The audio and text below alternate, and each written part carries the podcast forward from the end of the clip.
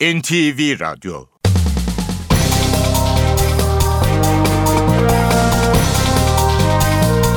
İşe Giderken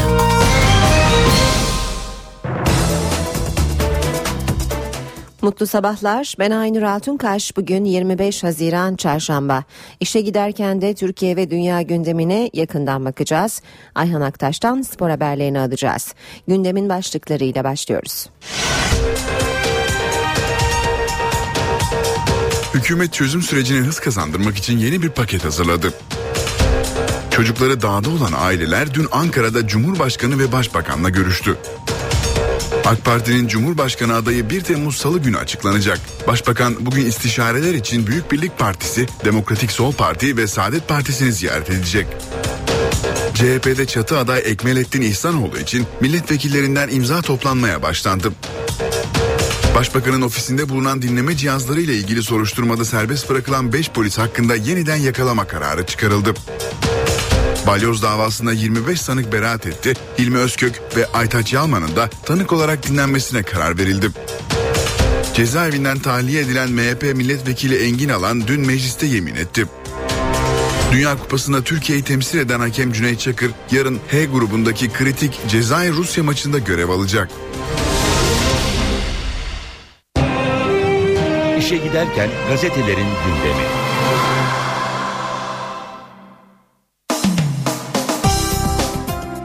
Basın özetlerine hürriyetle başlayalım. Son dakikada Kürt paketi diyor manşeti hürriyetin. 7 maddelik yeni paketin meclis tatile girmeden yasalaşması bekleniyor. Pakette süreçte görev alan kamu görevlilerine yasal güvence getiriliyor. Dağdan inen yönetici olmayan PKK'lıya rehabilitasyon olanağı sağlanacak deniyor haberde. Hürriyetten devam edelim yine.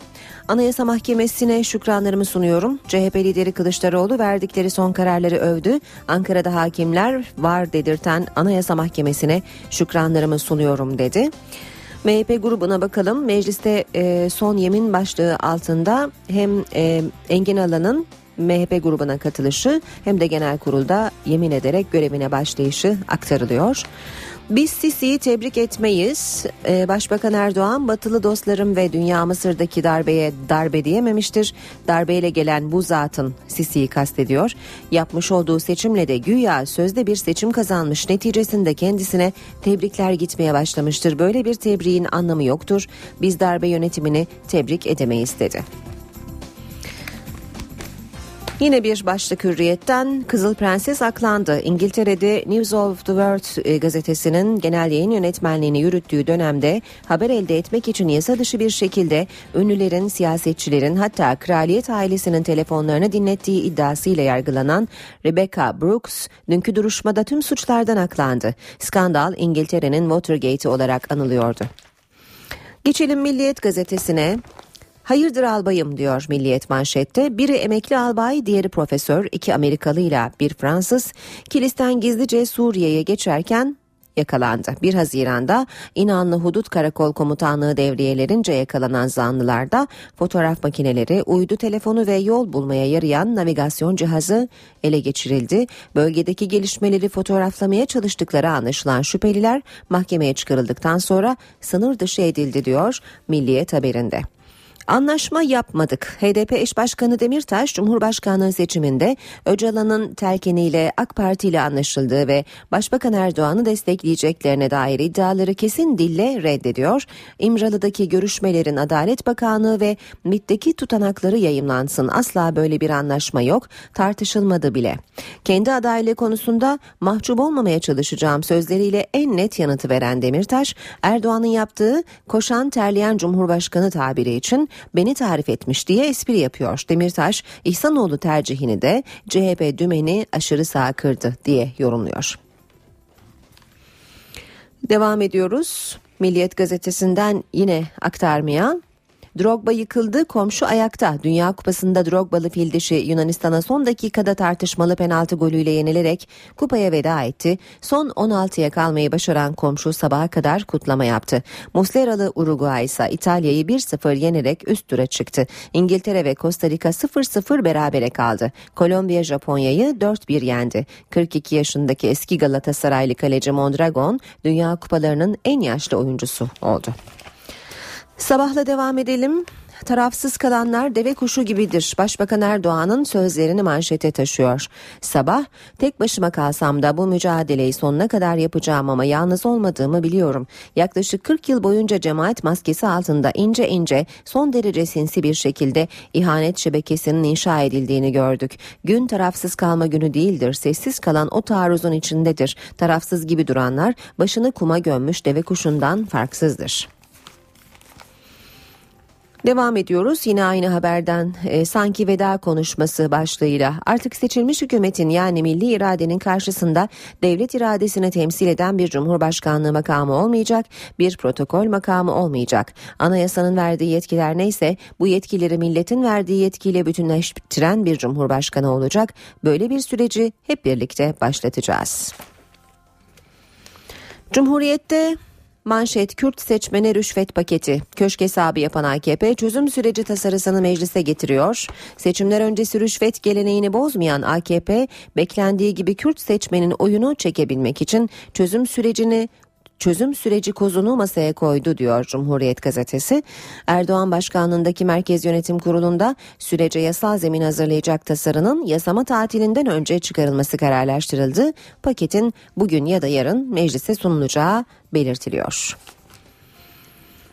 Devam edelim Habertürk gazetesiyle hükümet ve köşk birlikte yönetecek. Erdoğan köşk adaylarının 1 Temmuz'da açıklanacağını söyledi. Seçilmiş hükümetle seçilmiş cumhurbaşkanı birlikte idare edecek dedi.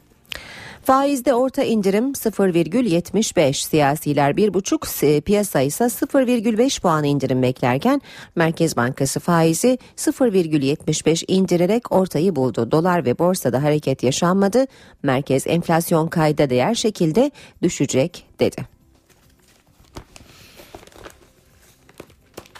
Basın özetlerine devam ediyoruz. İşe giderken de Yeni Şafak gazetesi var sırada.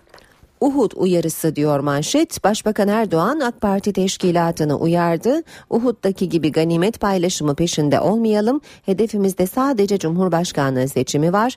2015'i şimdiden konuşmak yanlış olur. Biz büyük bir davanın neferleriyiz. Leke sürdürmeyeceğiz.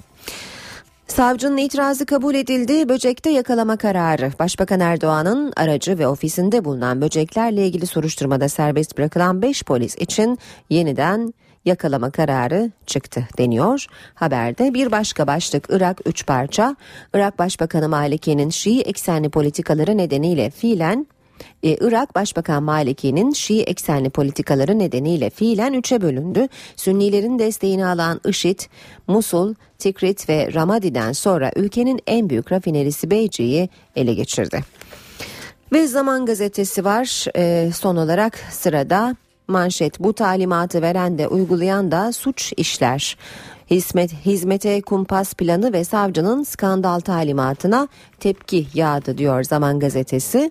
Hükümetin hizmet hareketini bitirme planı ve bu planın Ankara Cumhuriyet Savcısı Serdar Coşkun'un emniyete sız yazdığı skandal fişleme ve soruşturma talimatıyla hayata geçirilmesinin büyük tepki çektiğini belirtiyor ve görüşlere de yer veriyor haberinde. Saat 7.15 işe giderken de gündeme yakından bakmaya başlayalım. Hükümet çözüm sürecini hızlandırmak için yeni bir paket hazırladı. Başbakan Yardımcısı Beşir Atalay süreç için bir çerçeve yasa tasarısı hazırlandığını ve önümüzdeki günlerde meclise sevk edileceğini açıkladı. Atalay Bükreş'te konuştu. Biz Diyarbakır çalıştayında da yasal e, zemin üzerinde çalıştığımızı ifade etmiştik biliyorsunuz. E, o yasa çalışmamız bizim son safhasına geldi. Ee, Bakanlar Kurulu'nda imzası tamamlandı. Ee, bir iki gün içinde de e, meclise sevk edeceğiz. Hükümet çözüm sürecine ivme kazandırmak için yeni bir paket hazırladı. Açıklama Başbakan Yardımcısı Beşir Atalay'a ait. Bükreş'te konuşan Atalay paketin önümüzdeki günlerde meclise sevk edileceğini söyledi. 19 Mayıs'ta Başbakanımızın başkanlığında çok geniş kapsamlı ve çok uzun süren saatler süren bir toplantı yaptık. Toplantının tek konusu çözüm süreci. Geldiği yer bundan sonra ne yapabiliriz ne yapmalıyız. Ve orada bize bir görev verildi bu işi yürütenlere. Daha somut bir yol haritası. Ve bir de çözüm sürecinin e, bir çerçeve yasasının çıkarılması. Biz o çalışmayı şu anda tamamladık. Çözüm sürecinde yeni paket Başbakan Recep Tayyip Erdoğan'ın da gündemindeydi. Başbakan Avrupa Birliği büyükelçileriyle bir araya geldiği toplantıda süreçte yeni adımların atılacağından bahsetti. Önümüzdeki günlerde meclise sevk edilecek paketin meclis tatile girmeden yasalaşması bekleniyor. PKK'nın kaçırdığı çocukları için bir buçuk ay boyunca Diyarbakır'da eylem yapan aileler dün Ankara'daydı. Aileler Cumhurbaşkanı Abdullah Gül ve Başbakan Erdoğan'la görüştü, destek istedi. Ellerinde çocuklarının fotoğraflarıyla haftalardır Diyarbakır'da sürdürdükleri eylemi Ankara'ya taşıdılar. PKK'nın kaçırdığı çocukların ve gençlerin aileleri Ankara'da devletin zirvesiyle görüştü. Aileler Başbakan Recep Tayyip Erdoğan'la yapılan toplantının ardından umutlu konuştu. Yeni bir yasa üzerinde çalıştıklarını, bunu dün akşam görüştüklerini, meclis tatile girmeden önce de meclise sunacaklarını, bu da bizim için büyük bir azim oldu. Aileler Çankaya Köşkü'nde Cumhurbaşkanı Gül'le de bir araya geldi. Bizim ciğerlerimizi söküp bizden aldılar. Sayın Cumhurbaşkanım, sizler de bir babasınız. Ben kardeşimin cenazesini beklemek istemiyorum.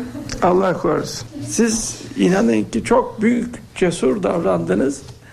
Sizin bu davranışınız herkese vicdanında çok büyük bir yer edindi. Her türlü çabayı gösteriyoruz, göstermeye devam edeceğiz. 19 Mayıs'tan bu yana çocuklarının evlerine dönmesi için eylem yapan ailelerin başkentteki ilk durağı ise Memursen Genel Merkezi'ydi. Daha da hiçbir genç, hiçbir çocuk kalmasın. Hepsini istiyoruz. Amin. Barış istiyoruz. Amin. 10 aydır çocuğum daha 15 yaşında. Çocuğumdan hiç haber alamadım. İki sefer gittim Mahmur'a kadar gittim. 10 dakika görüşmek istedim görüştürmediler. Acılı 36 anne arasında iki kızını birden bekleyen Bedriye Gözü Gövde vardı. Hiç haber alamadınız mı? Kesinlikle almadım. Nerede olduklarını da bilmiyorum. Ya küçük kızımın arkadaşları ailelerine not bırakmışlar. Bir şekilde o da bir tuzağa mı düştü, kandırıldı mı, ikna mı edildi, itaat mi edildi bilmiyorum. Aileler AK Parti Genel Merkezi'nin ardından Türkiye Büyük Millet Meclisi'ne gitti. Başbakan Erdoğan Avrupa Birliği'nin büyük elçileriyle bir araya geldi. Gündeminde PKK tarafından kaçırılan çocuklar, Irak, İran ve Türkiye'nin Avrupa Birliği ile üyelik müzakereleri vardı. Başbakan Diyarbakır'da çocukları için eylem yapan anneleri hatırlatarak Avrupa Birliği'ne eleştirilerde bulundu. Diyarbakır'daki bu anneler için şu ana kadar acaba Avrupa Birliği üyesi ülkelerimizden kaç kişi gidip de bu anneleri yerinde görerek onların derdiyle hemhal oldu? İsterim ki siz büyük elçiler eğer zahmet olmazsa bir Diyarbakır seyahatini de bunun için yapın. Başbakanın Avrupa Birliği ülkesinin büyükelçilerine verdiği ikinci mesaj Gülen cemaati ile ilgiliydi. Bu örgütün uluslararası siyasetten uluslararası istihbarata kadar son derece kirli işlerde kullanılan bir taşeron olduğunu özellikle hatırlatmak isterim. Başbakanın gündeminde Irak'ta vardı. Erdoğan ülkenin kanlı bir iç savaşa sürüklendiğini söyledi. Kaçırılan Türkleri hatırlattı. Toplamda 80 ve başından itibaren şu anda işte yaklaşık 10 gün oldu. Burada bu şekilde bir süreç işliyor. Biz ne yazık ki olaya nihai adımı atmadan sabırlı bir şekilde bunu takip edelim, kontrol edelim istiyoruz. NTV Radyo AK Parti'nin Cumhurbaşkanı adayı 1 Temmuz Salı günü belli olacak. Açıklamayı bizzat Başbakan Erdoğan yaptı. Erdoğan Cumhurbaşkanlığının artık protokol makamı olmayacağını söyledi ve CHP liderin Kılıçdaroğlu'nun Cumhurbaşkanı siyaset dışından olmalı yaklaşımına tepki gösterdi. 10 gün içinde inşallah artık son değerlendirmeleri yapacak ve adayımızı inşallah 1 Temmuz Salı günü açıklayacağız. AK Parti'nin Cumhurbaşkanı adayı kim olacak sorusu 1 Temmuz'da yanıt bulacak. Başbakan Recep Tayyip Erdoğan, AK Parti'nin Cumhurbaşkanı adayını 1 Temmuz Salı günü açıklayacak. Artık seçilmiş hükümetin yani milli iradenin karşısında devlet iradesini temsil eden bir cumhurbaşkanlığı makamı olmayacak. Bir protokol makamı olmayacak. Anayasanın verdiği yetkiler neyse bu yetkileri milletin verdiği yetkiyle bütünleştiren bir cumhurbaşkanı olacak. Başbakan grup toplantısında parti teşkilatına da seslendi. Adayımız kim olursa olsun AK Parti gücünden bir şey kaybetmeyecektir diye konuştu. AK Parti kulislerin bir partisi olmamalıdır, olamaz. Uhud'da ganimet paylaşımı peşinde olmayı arzu etmek asla bizim şiarımız değildir, olamaz. 2015'te ne olacak? 2015'ten sonrası nasıl gidecek? Bunları konuşmanın şu andaki Cumhurbaşkanlığı sürecimize maalesef yanlış bir yaklaşım türü olduğunu hatırlatmak isterim. Başbakan Cumhurbaşkanı'nın halk tarafından seçilmesini düzenleyen anayasa değişikliğini hatırlattı. Değişikliğe hayır diyen CHP ve MHP'yi eleştirdi. CHP Genel Başkanı Kemal Kılıçdaroğlu'nun Cumhurbaşkanı siyasetçi olmamalı sözlerine de sert tepki gösterdi Başbakan. Siyasetçi olmasını istemeyeceksiniz de apoletli olmasını mı isteyeceksiniz? Kendileri aday olamadılar. Çünkü siyasetçi oldukları halde siyasetin güç kazanmasını hiçbir zaman istemediler. CHP'de çatı aday Ekmelettin İhsanoğlu için milletvekillerinden imza toplanmaya başlandı. İlk imzayı Genel Başkan Kemal Kılıçdaroğlu verdi. Kılıçdaroğlu'nun gündeminde köşk seçiminin yanı sıra balyoz davasındaki tahliyeler de vardı. CHP köşk adayı Ekmelettin İhsanoğlu'nun adaylık başvurusunu pazar günü Türkiye Büyük Millet Meclisi'ne sunacak. Ana muhalefet İhsanoğlu'nun adaylık başvurusu için milletvekillerinden imzaları toplamaya başladı. İlk imzayı da Genel Başkan Kemal Kılıçdaroğlu attı. CHP lideri Kemal Kılıçdaroğlu partisinin grup toplantısında konuştu. Gündeminde Irak'ta yaşanan gelişmeler de vardı. Hükümeti suçlayan CHP lideri Türkiye'den silah sevkiyatını belgelerle açıklayacaklarını söyledi. Eğer bir gün faturası Türkiye'ye ağır çıkarsa bunun bir tek sorumlusu var. Onun adı da Recep Tayyip Erdoğan olacaktır. Yüzlerce tır gitti. Hepsinin içi silah dolu. Önümüzdeki günlerde bu konuda bir dosyayı bir arkadaşımız açacak. Kılıçdaroğlu Anayasa Mahkemesi'nin balyoz davası kararını da değerlendirdi. Başbakan Erdoğan'ın balyoz sanıklarına özür borcu olduğunu söyledi. Mahkeme bu kararı verdi diye geriye dönüp kendimizi ve vicdanımızı sorgulamayacak mıyız? Adalet gelecekse adaletsizliğe yol açanların da hesap vermesi gerekiyor. Sen onlardan özür dileyeceksin özür. CHP grubuna Şili'den gelen maden işçileri de katıldı. Dünkü grup toplantılarında liderlerin sözleri sertti. Özellikle Başbakan Erdoğan ve MHP lideri Bahçeli birbirlerine çok sert sözler söyledi. Sayın Erdoğan sen ki 12 yıldır Türkiye'ye kan ağlatan bildik bir despotsun. Başbakan Erdoğan bizim çatımızı ve temelimizi bırakmalı, kendi köksüzlüğüne, kendi kimliksizliğine kafa yormalıdır. Bu sabah yine yaptığı konuşmasına bakıyorsunuz. Bu Bahçeli'nin aman ya Rabbi. Türkiye Cumhuriyeti'nin başbakanına köksüz diyecek kadar kökten bir nasip olan bir kişi bunun hesabını verecektir. Despot diyen bir adam bunun hesabını verecektir. MHP lideri Devlet Bahçeli, Başbakan Erdoğan'ın çatı aday girişimi için temeli yok açıklamasına tepki gösterdi. Başbakanın Bahçeli'ye yanıtı sert oldu. Bahçeli'nin sözlerini yargıya taşıyacağını söyledi. Bizim temelimizde bölücülerle pazarlık kabına kaşık sallamak olmamıştır. Ey Bahçeli, müddei iddiasını ispatla mükelleftir. Üç buçuk yıl bu ülkede başbakan yardımcılığı yaptın. Niye kaçıp gittin iktidardan? Bahçeli ve Erdoğan partilerinin grup toplantılarında konuştu. Tartışma 17 ve 25 Aralık operasyonları üzerinden devam etti. Bir gün gelecek 17-25 Aralık'tan dolayı Başbakan adaletin önüne çıkacak.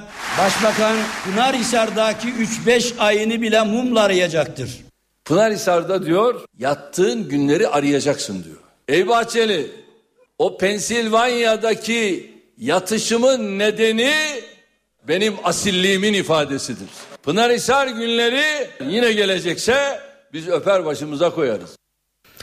Halkların Demokratik Partisi ise Cumhurbaşkanı adayını bu hafta sonu açıklayacak. Kongrede eş başkan seçilen Selahattin Demirtaş iki ay aranın ardından dün grup kürsüsündeydi. Cumartesi günü ilk parti meclis toplantımızı yapmayı planlıyoruz. Muhtemelen parti meclis toplantısında yeni parti meclisinin de görüşünü, onayını aldıktan sonra mevcut ismi geçen aday arkadaşlarımız ve ismi geçen halk tarafından talep edilen arkadaşlarımızla ilgili bir değerlendirme yapıp karar vereceğiz. Cumartesini pazarı bulur. HDP'nin Cumhurbaşkanı adayı hafta sonu belli olacak. Açıklama HDP eş genel başkanı Selahattin Demirtaş'tan geldi. Demirtaş'a adaylarının ikinci tura kalmaması durumunda AK Parti adayına destek olup olmayacakları da soruldu. Onu başbakana bir sorun. Biz ikinci tura kalacağımız için kendisi ikinci turda bize destek verir mi acaba? Şimdiden ne düşünüyor bir açıklasın bakalım. HDP'nin grup toplantısı ise bir ilke sahne oldu. Hafta sonu HDP eş genel başkanlıklarına seçilen Selahattin Demirtaş ve Figen Yüksekdağ kürsüdeydi. Değerli bir halk lideri olarak İki ay aradan sonra grup kürsüsüne çıkan Demirtaş hedeflerini anlattı.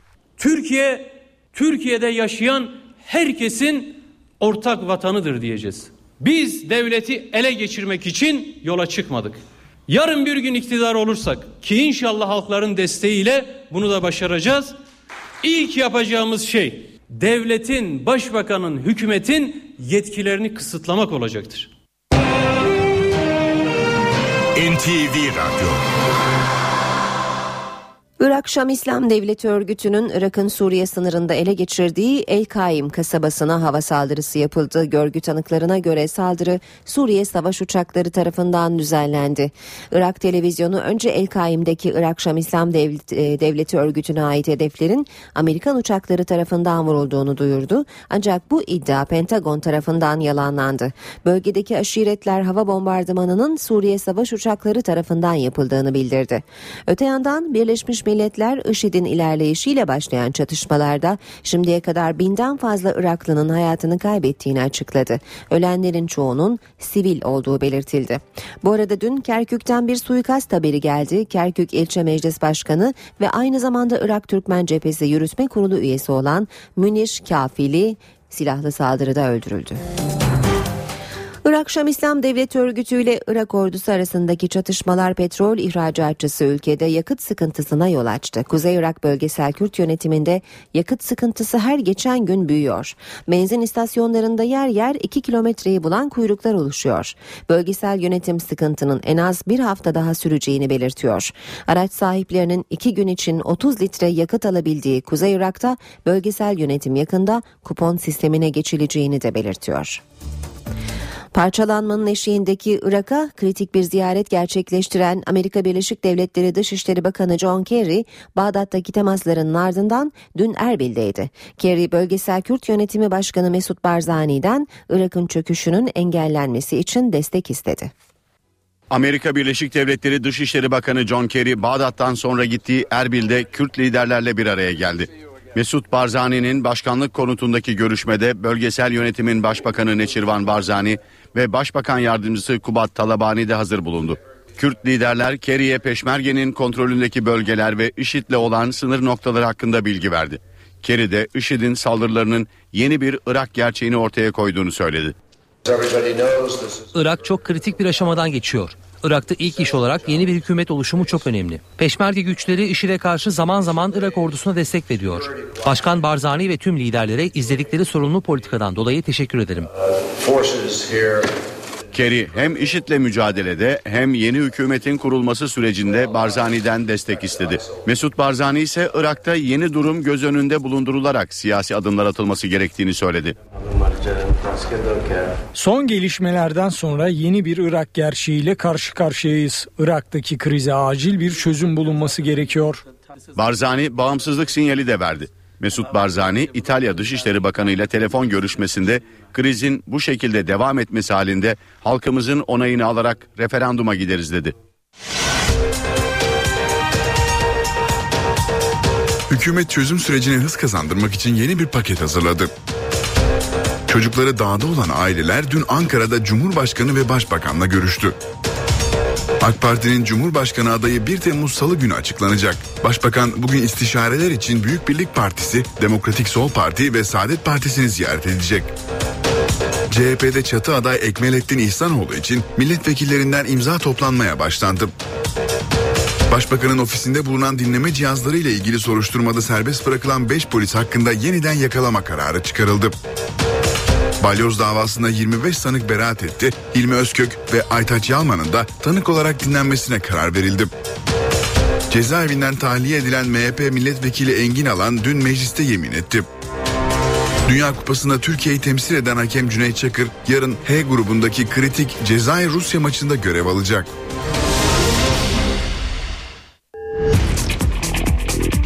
spor haberleri başlıyor.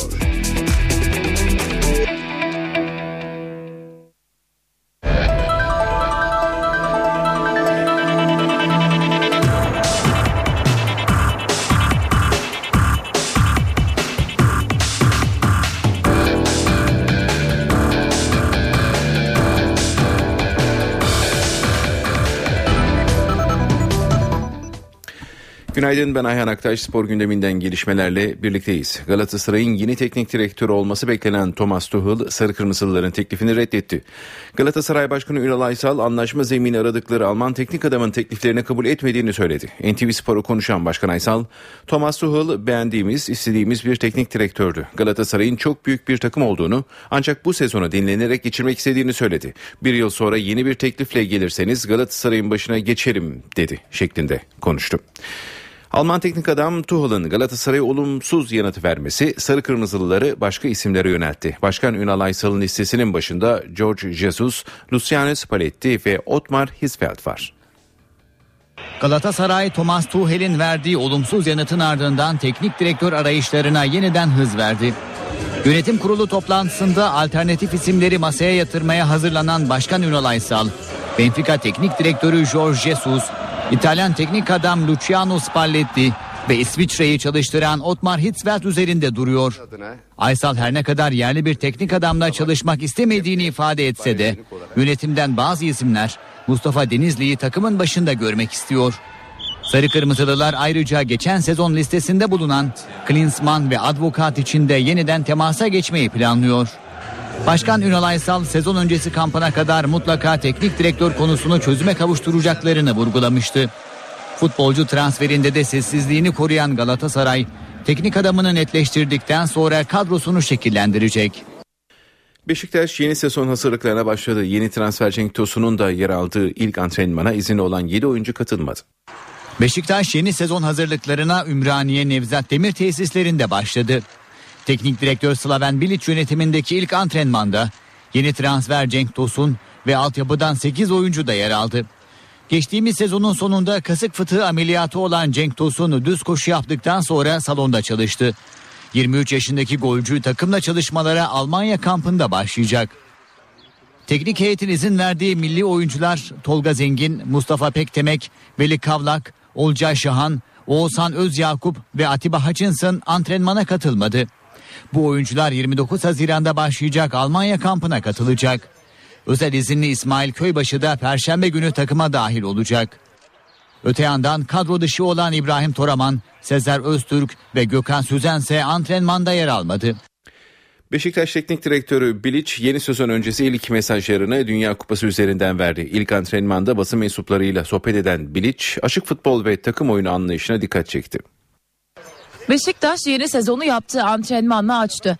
Teknik direktör Slaven Bilic de çalışma öncesi basın mensuplarıyla sohbet toplantısı gerçekleştirdi. İyi bir tatil dönemi geçirdiklerini belirten Hırvat teknik adam devam etmekte olan Dünya Kupası hakkında değerlendirmede bulundu. Şampiyonaya erken veda eden Hırvatistan milli takımına destek çıkan Bilic, ülkesinin ilk maçta Brezilya'ya karşı oldukça etkili oynadığını ancak istediği sonucu alamadığını vurguladı. Hırvatistan teknik direktörü Niko Kovac'ı öven Bilic, o genç ve iyi bir hoca ve iyi bir vatansever. Federasyon başkanı olsam Kovac'a zaman tanırdım şeklinde konuştu. Kupanın en büyük sürprizine Costa Rica'nın imza attığını belirten Hırvat çalıştırıcı kendisini en çok etkileyen takımınsa Fransa olduğunu söyledi. Dünya Kupası'na damga vuran iki olay olduğunu belirten Slaven Bilic, birincisi kupada iyi ve açık futbol oynanıyor.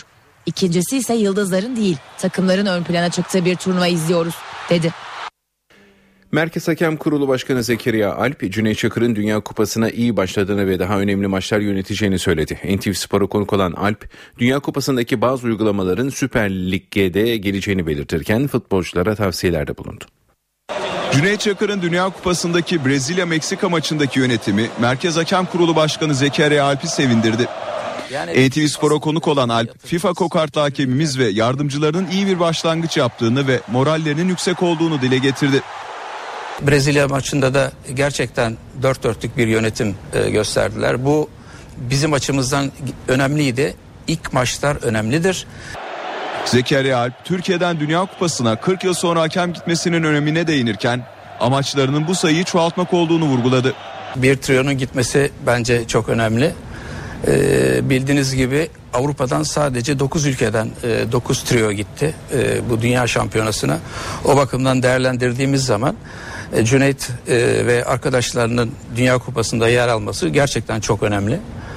E, e, tabii amacımız bundan sonraki tüm buna benzer e, kupa maçlarında gerek Avrupa Kupası'nda olsun gerek Şampiyonlar Ligi'nde olsun e, Türk hakemlerinin e, uzun süre ve gelecekte de görev alması.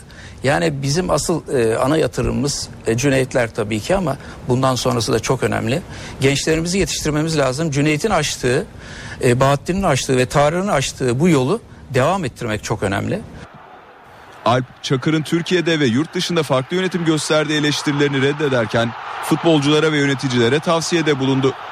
Türkiye'de futbolcuların hakemlere karşı, hakem kararlarına karşı tutum ve davranışları, hareketleri farklı. Ee, işte biz izliyoruz. Dünya Kupası'nda hakem bir karar verdiği andan itibaren hiçbir futbolcu e, itiraz etmiyor. Türkiye'de bu iş öyle bir yere geldi ki gerçekten üzerinde durulması gereken bir konu budur.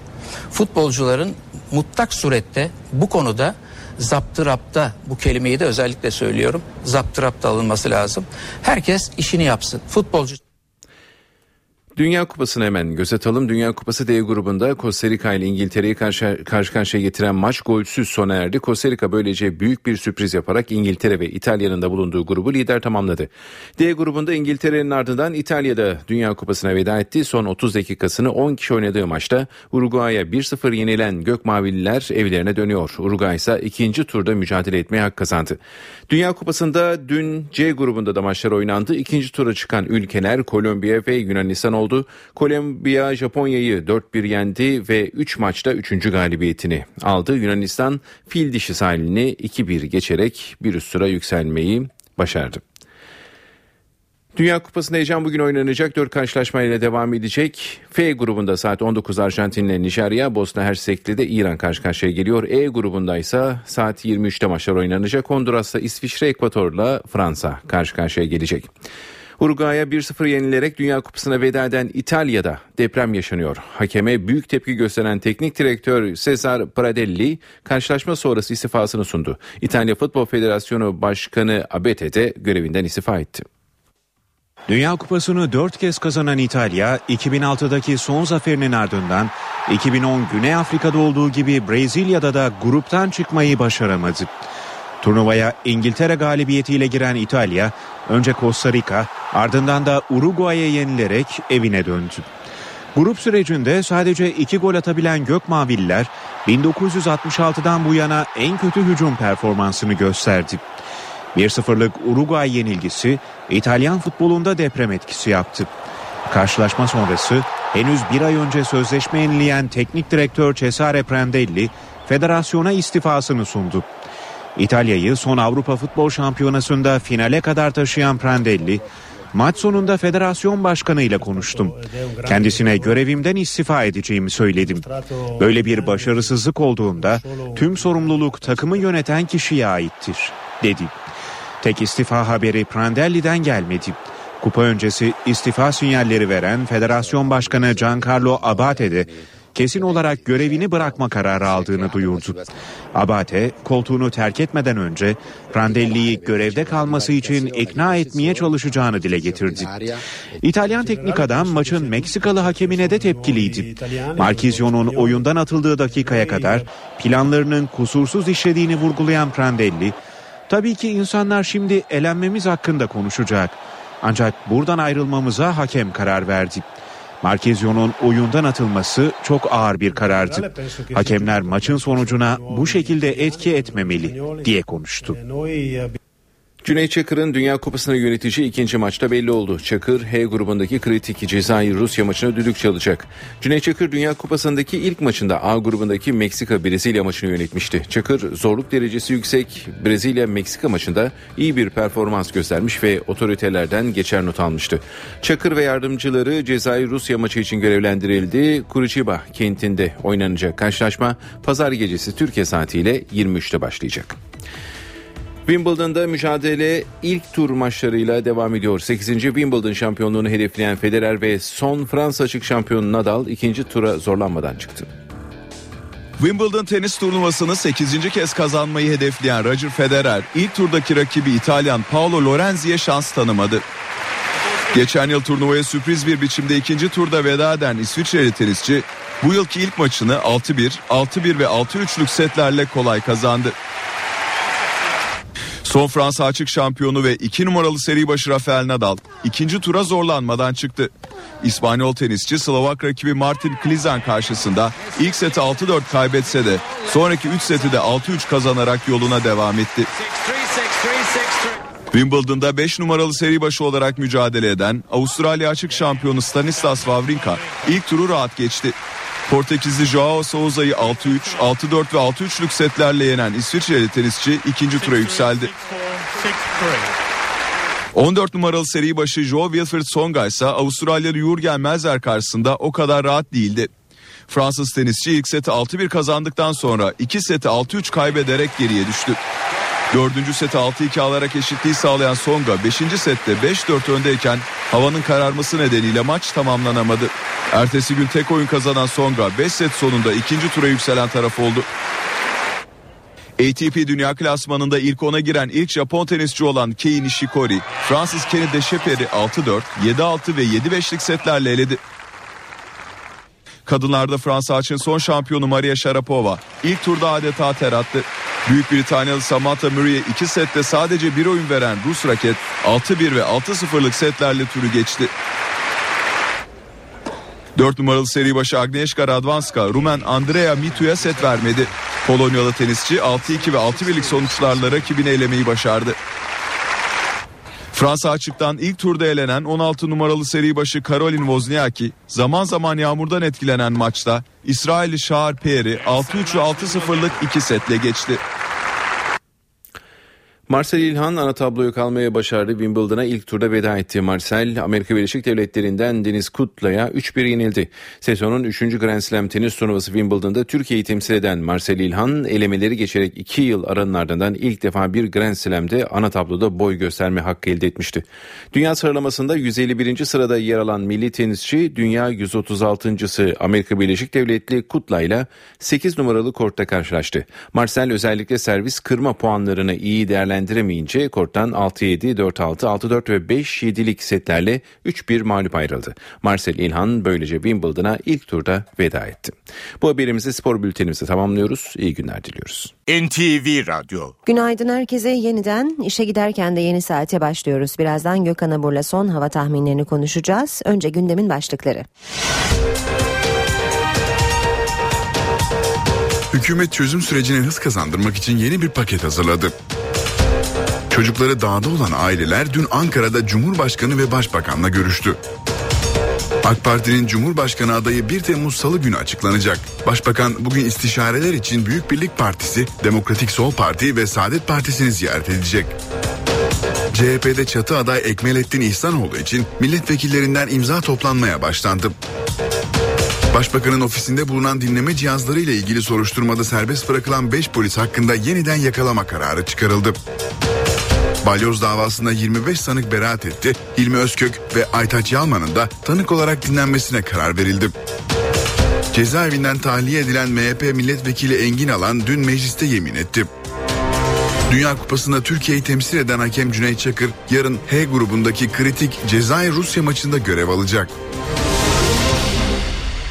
Gökhan Abur'la beraberiz. Günaydın Sayın Abur. Günaydın.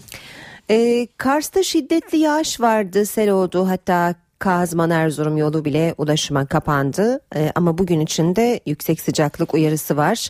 Ee, yanı sıra yağış olacak başka yerlerde var mı? Ee, doğuda yağışlar devam ediyor. Aralıklarla bugün de yağış var. Aslına bakarsan Doğu Karadeniz bölgesinde şu anda bulutlanma arttı. Giresun, Trabzon, Rize, Artvin boyunca kısa süreli yağışlar bekliyoruz. Yine dün olduğu gibi Kars, Ağrı, Vanakkar arasındaki bölgede yine gün içinde hafif de olsa e, yağış geçişleri görülecek. Tabii hafif de olsa diyorum ama bunlar çok kısa süreli sağanaklar olduğu için dün Kars'ta olduğu gibi e, yer yer kısa süreli yağan yağ çok şiddetli yağdığı anda su baskınlarına sebep olabiliyor. Yarın doğudaki yağışlar etkisini kaybedecek. Ve yarın yarın tüm ülkede sıcaklıklar çok yüksek değerlerde olacak. Bugün için Akdeniz boyunca oldukça yüksek değerlerde sıcaklıklar. Bugün Antalya'da beklediğimiz sıcaklık 36-37 derecelere kadar çıkacak. Çok sıcak ve kuru bir hava var Akdeniz boyunca. Deniz suyu sıcaklıkları da Akdeniz'de bugün 23-25 derecelere yaklaştı. Ege'de ise Güney Ege'de kuvvetli rüzgar var. İzmir'de bugün beklediğimiz en yüksek sıcaklık 34. Yarın ise İzmir'de de sıcaklık 37-38'lere kadar çıkacak. Ki Ege'nin en sıcak yeri Aydın olacak. Aydın'da bugün 37-38 derece olan sıcaklığın yarın 40 dereceye geçmesini bekliyoruz ki Aydın bir ova içinde olduğu için en sıcak yer ilimizdir Ege içinde. Bu arada şunu sorayım sıcak ve kuru dediniz hatta Ege'de rüzgar dediniz orman yangını riski de var, var. mı? Yani Antalya'da başta olmak üzere Akdeniz boyunca havanın e, sıcak ve kuru olması ve rüzgarların da kuzeyli esmesi tabii ki havayı kurutuyor. Bu kurut kuruyan havada tabii beraberinde orman yangını riskini arttırıyor. En küçük bir alev büyük yangınlara sebep olabilir aman dikkat. Öğle saatlerinde çok kuvvetli olmasa da yine kuzeyli rüzgar sert esmeye devam edecek. Tabii en ufak bir ihmal en ufak bir kıvılcım e, büyük felaketlere büyük yol açabilir. Açabiliyor. Çok çok dikkatli olmakta fayda var. İç kesimlerde de e, bu sıcaklıklar yükseliyor. Gece sıcaklıkları da e, birkaç derece yükseldi. Bugün Ankara'da da yine 30 derece olacak ama yarın 34-35'i bulabilir. İstanbul'da bugün için beklediğimiz sıcaklık 29-30 derece ama yarın 33-34 yer yer 35 dereceye çıkmasını bekliyoruz. Fakat yarın da rüzgar çok kuvvetli değil. O nedenle e, hissedilen sıcaklıklar e, daha yüksek değerlerde olacak ve yarın akşam saatlerinde e, bulutlanma biraz da olsa artabiliyor. Cuma günü e, sabah saatlerinde Trakya'da artacak bulutlanma hafif yağış bırakırken özellikle rüzgar giderek kuzeye dönecek. İstanbul'un Avrupa yakası ve Boğaz kesiminde çok hafif de olsa bir yağış görülebilir. Evet. Ama hafta sonu Poyraz'ın giderek kuvvetlenmesiyle sıcaklıklar yeniden mevsim ortalamaları diye isimlendirebileceğimiz işte 25-26 derecelere inecek ve cumartesi pazar pazartesi günü Poyraz sert esmeye devam edecek ama salıdan itibaren yani 1 Temmuz'dan itibaren yeniden sıcaklıklar yükselecek. Peki Gökhan Abur teşekkürler.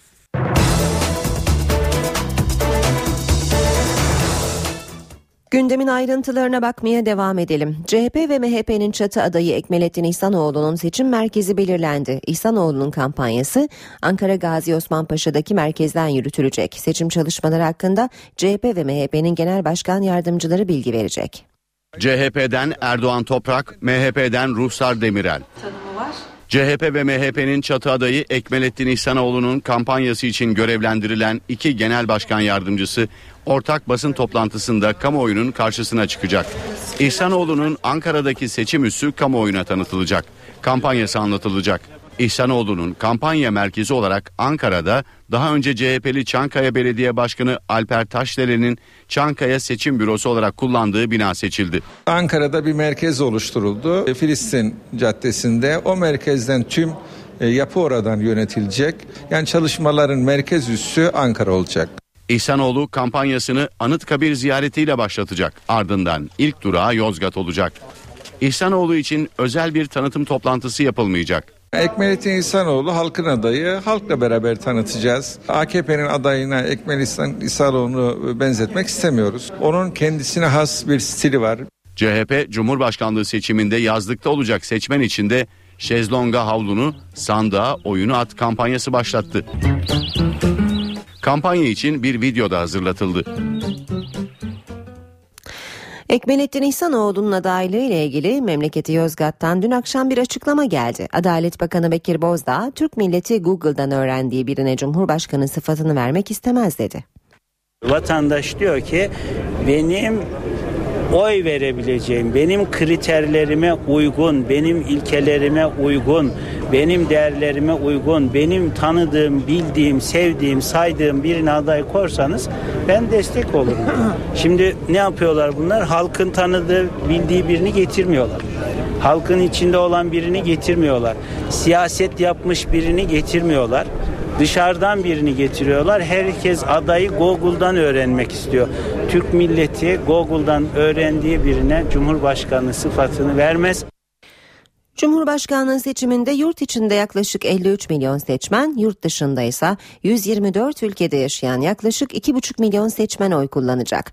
Yüksek Seçim Kurulu Başkanı Sade Güven, seçimin 10 Ağustos'taki ilk turuna sayılı günler kala hem oy kullanacak vatandaşlara hem de siyasi partilere önemli uyarılarda bulundu. Yurt dışında yaşayan seçmenler yalnızca internetten randevu aldıkları gün oy kullanabilecek. Yurt içindeki seçmenler ikametgah adresi dışında ikinci bir adreste örneğin tatilde olduğu yerde oy kullanamayacak. Yurt dışında propaganda yapılamayacak. Oy pusulalarında ilk kez adayların fotoğraflarına da yer verilecek.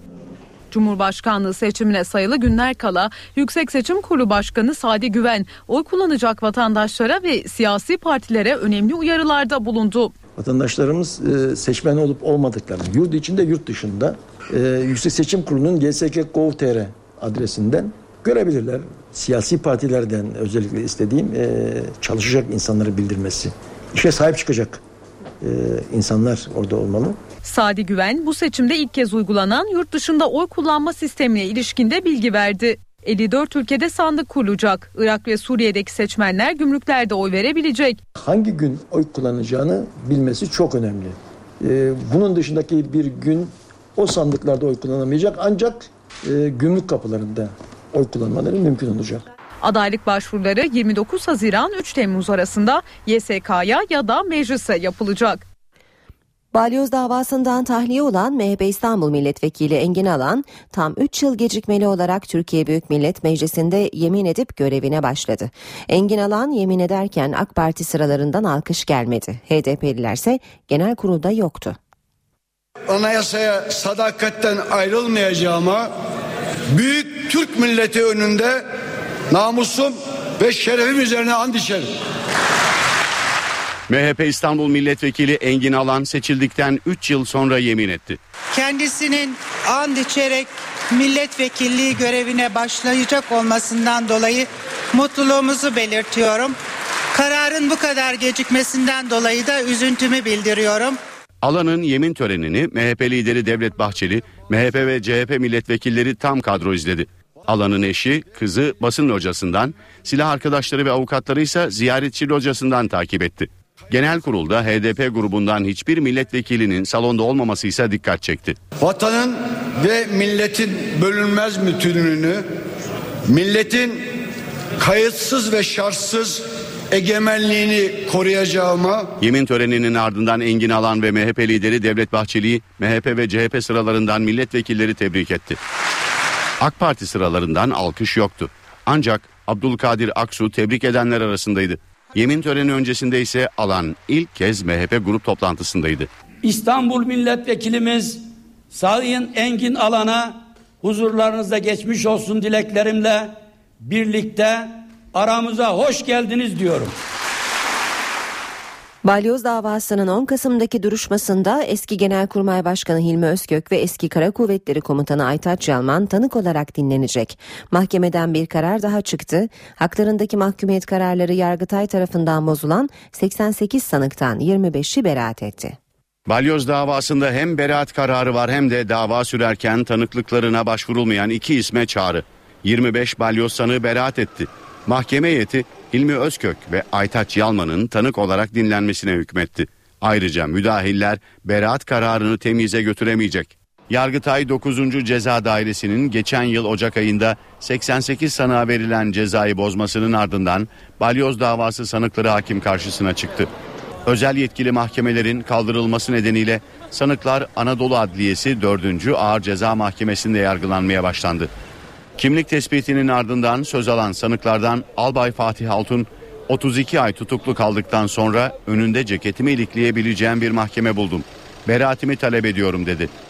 Diğer sanıklar da Yargıtay'ın bozma kararına uyulmasını ve beraatlerini talep etti.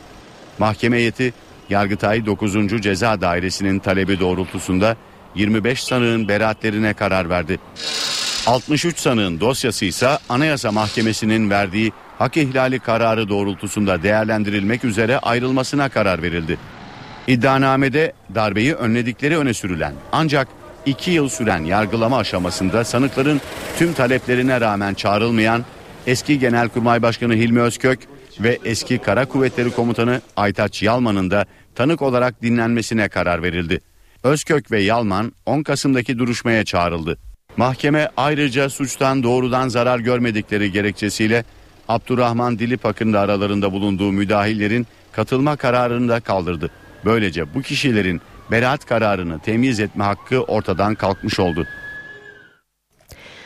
Futbol hakemi Ümit Çınarlı, Şırnak Uludere'de 34 kişinin hayatını kaybettiği hava saldırısı sonrası attığı tweet nedeniyle tepki çekmişti.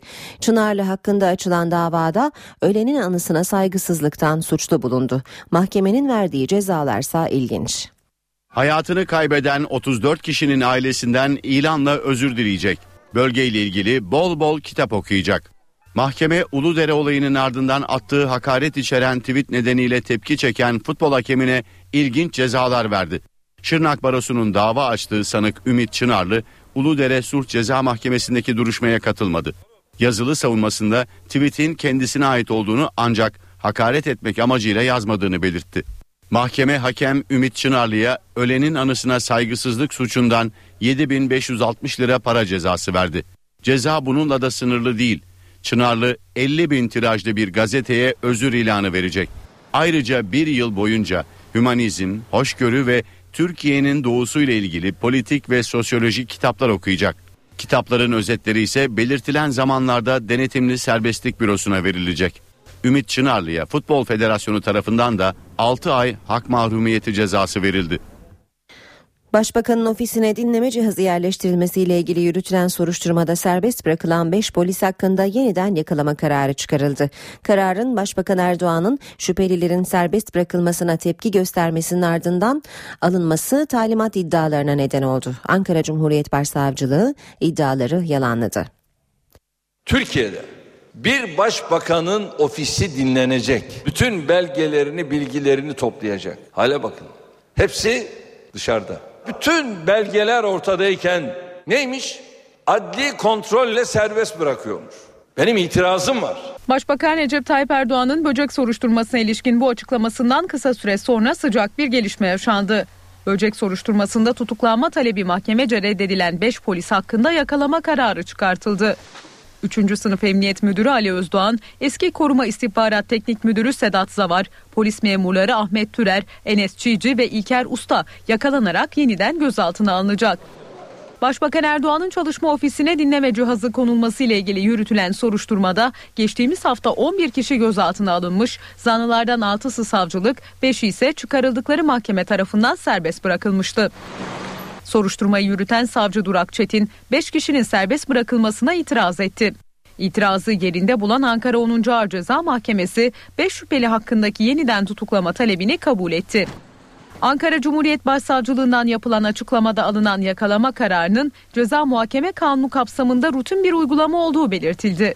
İtirazın başsavcılığımızın dışındaki mercilerin talimatı gereği yapıldığı iddiası temelden yoksundur denildi. Malatya'daki zirve yayın evinde bir Alman uyruklu 3 kişinin öldürülmesiyle ilgili davada tahliye kararı çıktı. Tutuklu sanıklardan Abdullah Atılgan, Mehmet Çolak, Murat Göktürk ve Levent Ercan Gelegen'in tahliye edilmesine karar verildi. Kars'ta şiddetli yağış sele yol açtı. Kazman Erzurum Karayolu ulaşıma kapandı. Kazman ilçesinde akşam saatlerinde bastıran sağanak nedeniyle bazı evleri su bastı. Arı kovanları sele kapıldı. Selin taşıdığı toprak yığını Kazman Erzurum Karayolu'nu da trafiğe kapattı. Bir kilometrelik araç kuyruğu oluştu. Ekipler yolu açmak için çalışma başlattı. NTV Radyo Saat 8.22 işe giderken de sırayı başkent gündeme alacak. Liderler dün dün e, grup toplantılarında kürsülerden mesajlar verdi. Bu mesajların yankıları e, bugün takip edilecek. Cumhurbaşkanlığı seçim süreci devam ederken hükümet de çözüm sürecine hız kazandırmak için yeni bir paket hazırladı. E, yine yoğun bir gündemle e, Murat Barış Koralp karşımızda. Murat günaydın seni dinliyoruz. Günaydın Aynur. Ankara bugünü Cumhurbaşkanlığı seçimi ve çözüm süreci gündemiyle geçirecek gibi görünüyor. Başbakan Yardımcısı Beşir Atalay'ın çözüm sürecine ivme kazandırmak için yeni bir paket, bir yasal düzenleme hazırlandığını, birkaç gün içinde de meclise sevk edileceğini söylemesi Ankara'da Cumhurbaşkanlığı seçimiyle birlikte en önemli gündem başlığı. Bu açıklamanın yankıları paketin içeriğine ilişkin gelişmeler Ankara'da yakından takip ediliyor olacak. Başbakan Recep Tayyip Erdoğan ise bugün sabah saatlerinde partisinin genişletilmiş il başkanları toplantısına başkanlık edecek. Bu toplantının ardından da parti dışındaki köşk istişarelerine devam edecek. Başbakan bugün mecliste temsil edilmeyen bazı siyasi partileri ziyaret edecek. Saat 13'te Büyük Birlik Partisi'ni, saat 14.30'da Demokratik Sol Parti'yi ve son olarak da saat 18.30'da Saadet Partisi'ni ziyaret edecek Başbakan. Geçelim ana muhalefet cephesine. CHP lideri Kemal Kılıçdaroğlu ise partisinin Merkez Yönetim Kurulu'na başkanlık edecek. CHP MYK'nın ana gündem başlığı da Cumhurbaşkanlığı seçimi. CHP MYK'da Ekmelettin İhsanoğlu İhsanoğlu'na nasıl bir destek verileceği, bundan sonraki yol haritası ve yürütülecek propaganda sürecinin masaya yatırılması bekleniyor. Bu propaganda sürecinin ayrıntılarına ilişkin bir basın toplantısı da var Ankara'da. İhsanoğlu'nun kampanya sürecini yönetecek iki isim CHP Genel Başkan Yardımcısı Erdoğan Toprak ve MHP Genel Başkan Yardımcısı Ruhsar Demirel kampanya sürecinin detaylarını bir basın toplantısıyla aktarıyor olacaklar. Meclis gündemiyle devam edelim. Genel kurulda Türkiye ile Avrupa Birliği arasındaki geri kabul anlaşmasının görüşmelerine devam edilecek. Komisyonlarda da yoğun bir mesai var. Plan Bütçe Komisyonu'nda Soma faciasının ardından hazırlanan ve taşeronluk sistemini yeniden düzenleyen torba tasarının görüşmeleri devam edecek. Soma maden kazasını araştıran komisyonsa Teftiş Kurulu Başkanı Mehmet Tezel'le Sosyal Güvenlik Kurumu ve İşkur yetkililerini dinleyecek. Mecliste çok sayıda basın toplantısı da var. Muhalefet temsilcileri gündemdeki gelişmeleri meclis kürsüsünden, basın toplantısı kürsüsünden değerlendiriyor olacak. Aynur.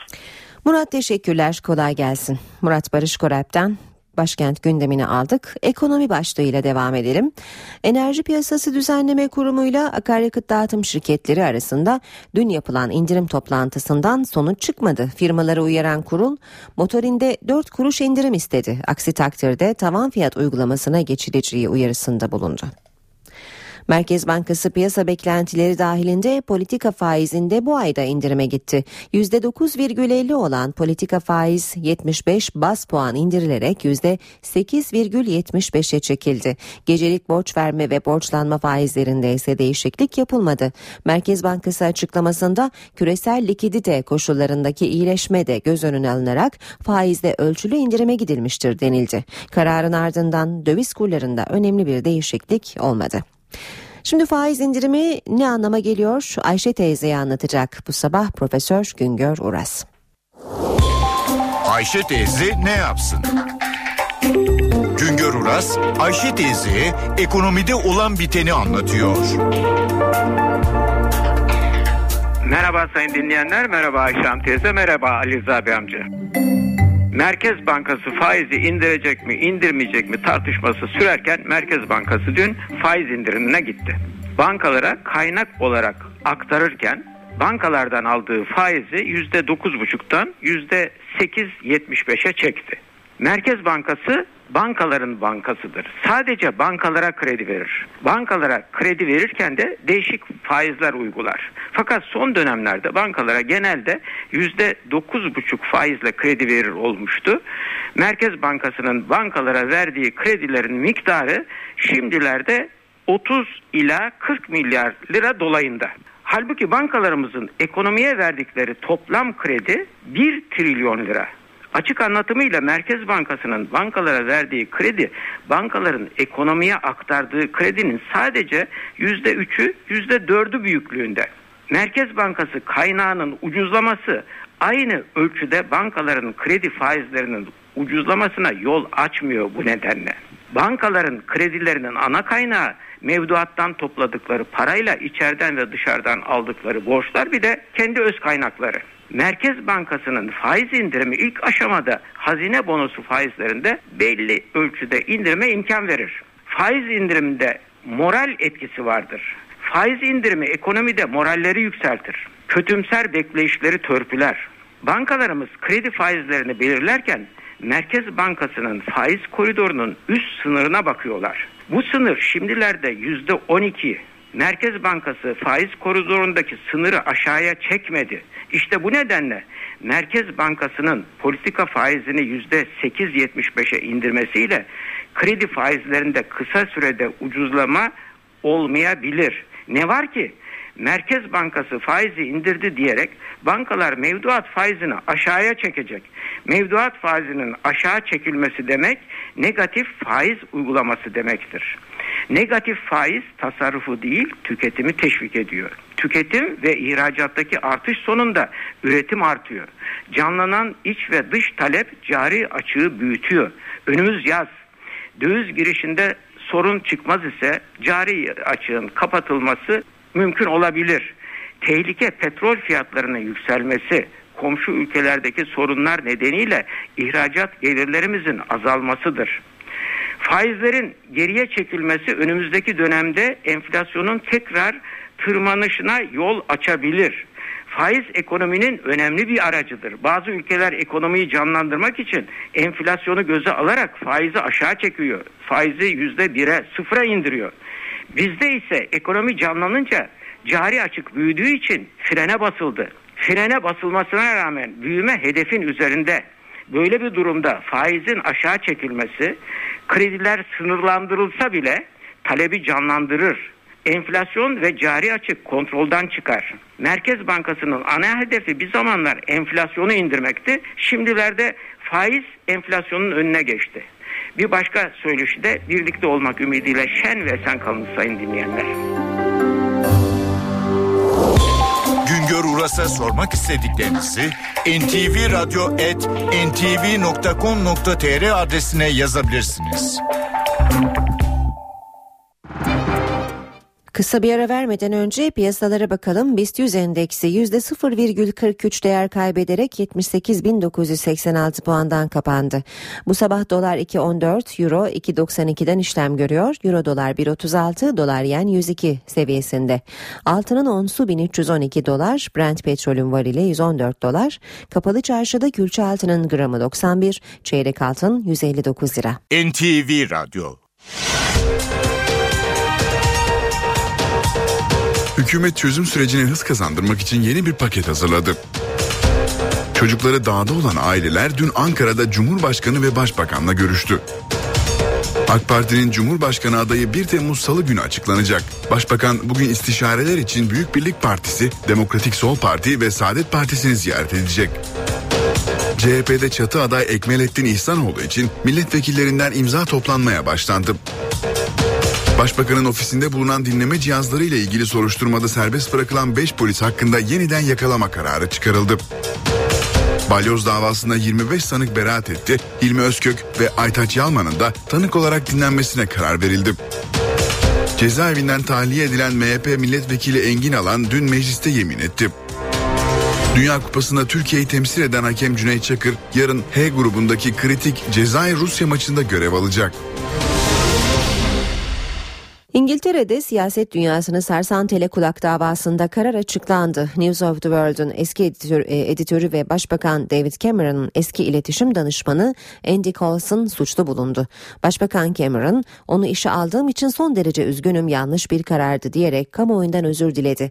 Gazetenin yayın yönetmeni Rebecca Brooks'a tüm suçlamalardan aklandı. İngiltere'deki telekulak skandalı davasında karar çıktı. Rupert Murdoch'ın sahibi olduğu News of the World'un eski editörü ve Başbakan David Cameron'ın eski iletişim danışmanı Andy Coulson suçlu bulundu. Yasal olmayan telefon dinlemeleri yaptığı gerekçesiyle suçlu bulunan Coulson'a verilen ceza ileri bir tarihte açıklanacak. Kararın açıklanmasının ardından gözler İngiltere Başbakanı David Cameron'a çevrildi. Cameron önceden verdiği sözü yerine getirdi ve yasa dışı dinleme yapan Coulson'ı başbakanlıkta işe aldığı için özür diledi. Coulson'ın işe alınması konusunda bütün sorumluluk benim. Ben eğer farklı bir karar çıkarsa net ve dürüst bir şekilde özür dileyeceğimi söyledim ve bugün de öyle yapıyorum. Onu işe aldığım için son derece üzgünüm. Yanlış bir karardı. 168 yıllık gazete News of the World'ün kapanmasıyla sonuçlanan skandal, gazetenin 2000-2006 yılları arasındaki haber araştırmalarında sistematik olarak yasa dışı telefon dinleme yöntemini kullandığının ortaya çıkmasıyla patlak vermişti.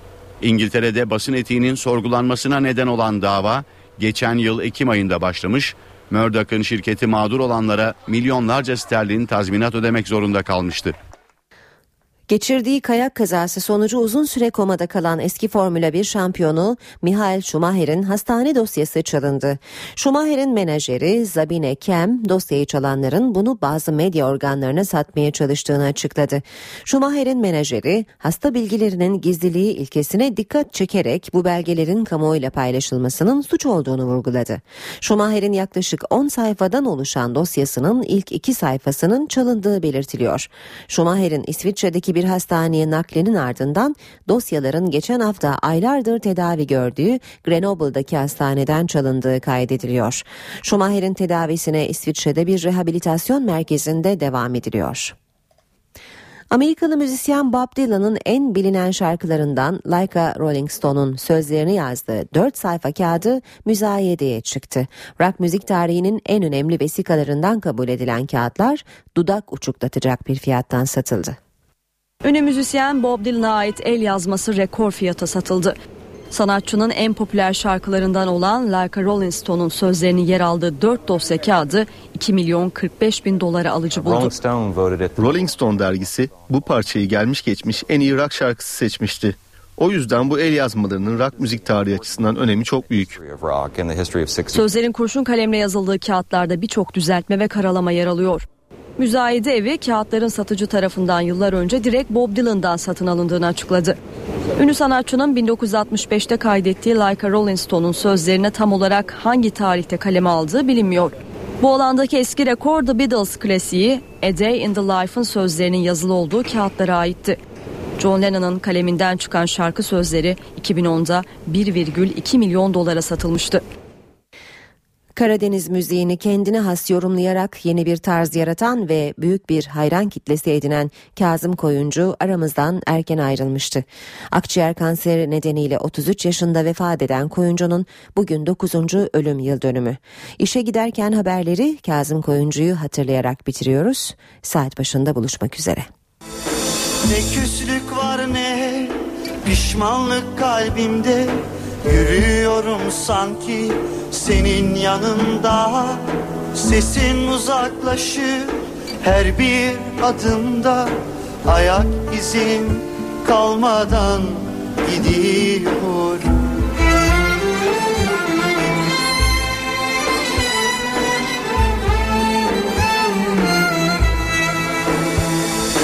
Gerdiğin tel kalbimde kırılmadı Gönül kuşu şarkıdan yorulmadı. Bana kimse sen gibi sarılmadı. Işığımız sönmeden gidiyor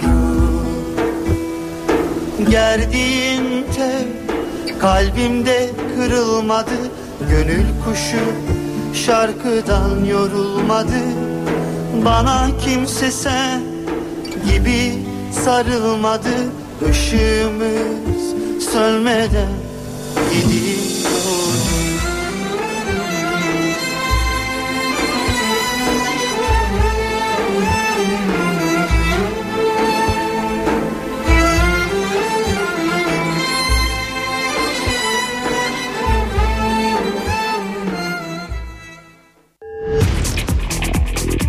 Spor haberleri başlıyor.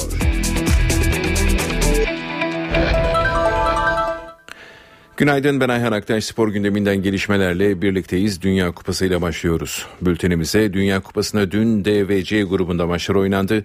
D grubunda Costa Rica ile İngiltere'yi karşı karşıya getiren maç golsüz sona erdi. Costa Rica böylece büyük bir sürpriz yaparak İngiltere ve İtalya'nın da bulunduğu grubu lider tamamladı.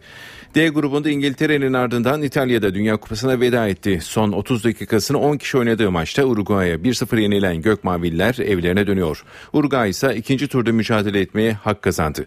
Dünya Kupası'nda dün oynanan C grubu maçları sonunda ikinci tura çıkan ülkeler Kolombiya ve Yunanistan oldu. Kolombiya Japonya'yı 4-1 Yunanistan'da fil dişi sahilini 2-1 yendi. Uruguay'a 1-0 yenilerek Dünya Kupası'na veda eden İtalya'da deprem yaşanıyor. Hakeme büyük tepki gösteren teknik direktör Paradelli karşılaşma sonrası istifasını sundu. İtalya Futbol Federasyonu Başkanı Giancarlo Abete de görevinden istifa etti. Dünya Kupası'nı 4 kez kazanan İtalya, 2006'daki son zaferinin ardından 2010 Güney Afrika'da olduğu gibi Brezilya'da da gruptan çıkmayı başaramadı. Turnuvaya İngiltere galibiyetiyle giren İtalya, önce Costa Rica, ardından da Uruguay'a yenilerek evine döndü. Grup sürecinde sadece iki gol atabilen Gökmaviller, 1966'dan bu yana en kötü hücum performansını gösterdi. 1-0'lık Uruguay yenilgisi İtalyan futbolunda deprem etkisi yaptı. Karşılaşma sonrası henüz bir ay önce sözleşme yenileyen teknik direktör Cesare Prandelli federasyona istifasını sundu. İtalya'yı son Avrupa Futbol Şampiyonası'nda finale kadar taşıyan Prandelli, Maç sonunda federasyon başkanı ile konuştum. Kendisine görevimden istifa edeceğimi söyledim. Böyle bir başarısızlık olduğunda tüm sorumluluk takımı yöneten kişiye aittir, dedi. Tek istifa haberi Prandelli'den gelmedi. Kupa öncesi istifa sinyalleri veren Federasyon Başkanı Giancarlo Abate de kesin olarak görevini bırakma kararı aldığını duyurdu. Abate koltuğunu terk etmeden önce Prandelli'yi görevde kalması için ikna etmeye çalışacağını dile getirdi.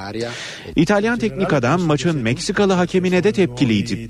Marquisio'nun oyundan atıldığı dakikaya kadar planlarının kusursuz işlediğini vurgulayan Prandelli, Tabii ki insanlar şimdi elenmemiz hakkında konuşacak. Ancak buradan ayrılmamıza hakem karar verdi. Markezion'un oyundan atılması çok ağır bir karardı. Hakemler maçın sonucuna bu şekilde etki etmemeli diye konuştu. Dünya Kupası'nda heyecan bugün oynanacak. Dört karşılaşmayla devam edecek program şöyle. F grubu maçları saat 19 oynanıyor. Arjantin Nijerya ile Bosna Hersek'te İran'la karşı karşıya gelecek. E grubu maçları ise 23'te. Honduras, İsviçre, Ekvator, Fransa maçlarını seyredeceğiz. Cüneyt Çakır'ın Dünya Kupası'nı yöneteceği ikinci maç belli oldu. Çakır H grubundaki kritik, kritik Cezayir-Rusya maçını düdük çalacak. Cüneyt Çakır Dünya Kupası'ndaki ilk maçında A grubundaki birisiyle Meksika maçını yönetmişti. Çakır zorluk derecesi yüksek maçta iyi bir performans göstermiş ve otoritelerden geçer not almıştı. Çakır ve yardımcıları Cezayir-Rusya maçı için görevlendirildi. Curitiba kentinde oynanacak karşılaşma Perşembe gecesi Türkiye saatiyle 23'te başlayacak. Fenerbahçe 3 Temmuz'u bekliyor. İsviçre Federal Mahkemesi Sarı Lacivertlerin kaz kararına yaptığı yürütmeyi durdurma ve iptal davası ile ilgili duruşma tarihini açıkladı. İstanbul 13. Ağır Ceza Mahkemesi'nin futbolda şike davası için aldığı yeniden yargılama kararı Fenerbahçe Kulübü'nün Avrupa Kupalarına katılma umudunu arttırdı. Fenerbahçe Kulübü Genel Sekreteri ve basın sözcüsü Mahmut Uslu, kaz kararının iptali ve yürütmenin durdurulması talebiyle açtıkları dava için İstanbul 13. Ağır Ceza Mahkemesi'nin aldığı kararı göndereceklerini söyledi. Lozan'daki duruşma 3 Temmuz Perşembe günü yapılacak. Duruşmaya Fenerbahçe Kulübü'nün avukatlarının yanı sıra yöneticilerin de katılması bekleniyor. Galatasaray'ın yeni teknik direktörü olması beklenen Thomas Tuchel sarı kırmızıların teklifini reddetti. Galatasaray Başkanı Ünal Aysal anlaşma zemini aradıkları Alman teknik adamın tekliflerini kabul etmediğini söyledi.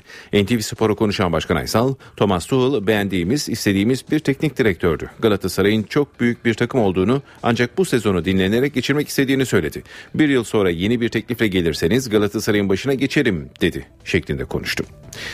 Alman teknik adam Thomas Tuchel'ın Galatasaray'a olumsuz yanıt vermesi sarı kırmızıları başka isimlere yöneltti. Başkan Ünal Aysal'ın listesinin başında George Jesus, Luciano Spalletti ve Otmar Hitzfeld var. Galatasaray Thomas Tuchel'in verdiği olumsuz yanıtın ardından teknik direktör arayışlarına yeniden hız verdi. Yönetim kurulu toplantısında alternatif isimleri masaya yatırmaya hazırlanan Başkan Ünal Aysal, Benfica teknik direktörü Jorge Jesus, İtalyan teknik adam Luciano Spalletti ve İsviçre'yi çalıştıran Otmar Hitzfeld üzerinde duruyor.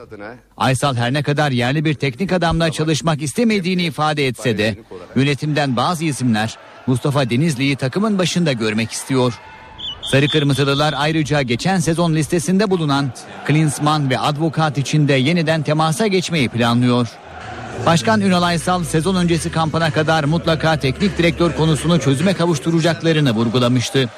Futbolcu transferinde de sessizliğini koruyan Galatasaray, teknik adamını netleştirdikten sonra kadrosunu şekillendirecek. Bu haberimizle spor bültenimizi tamamlıyoruz. İyi günler diliyoruz. NTV Radyo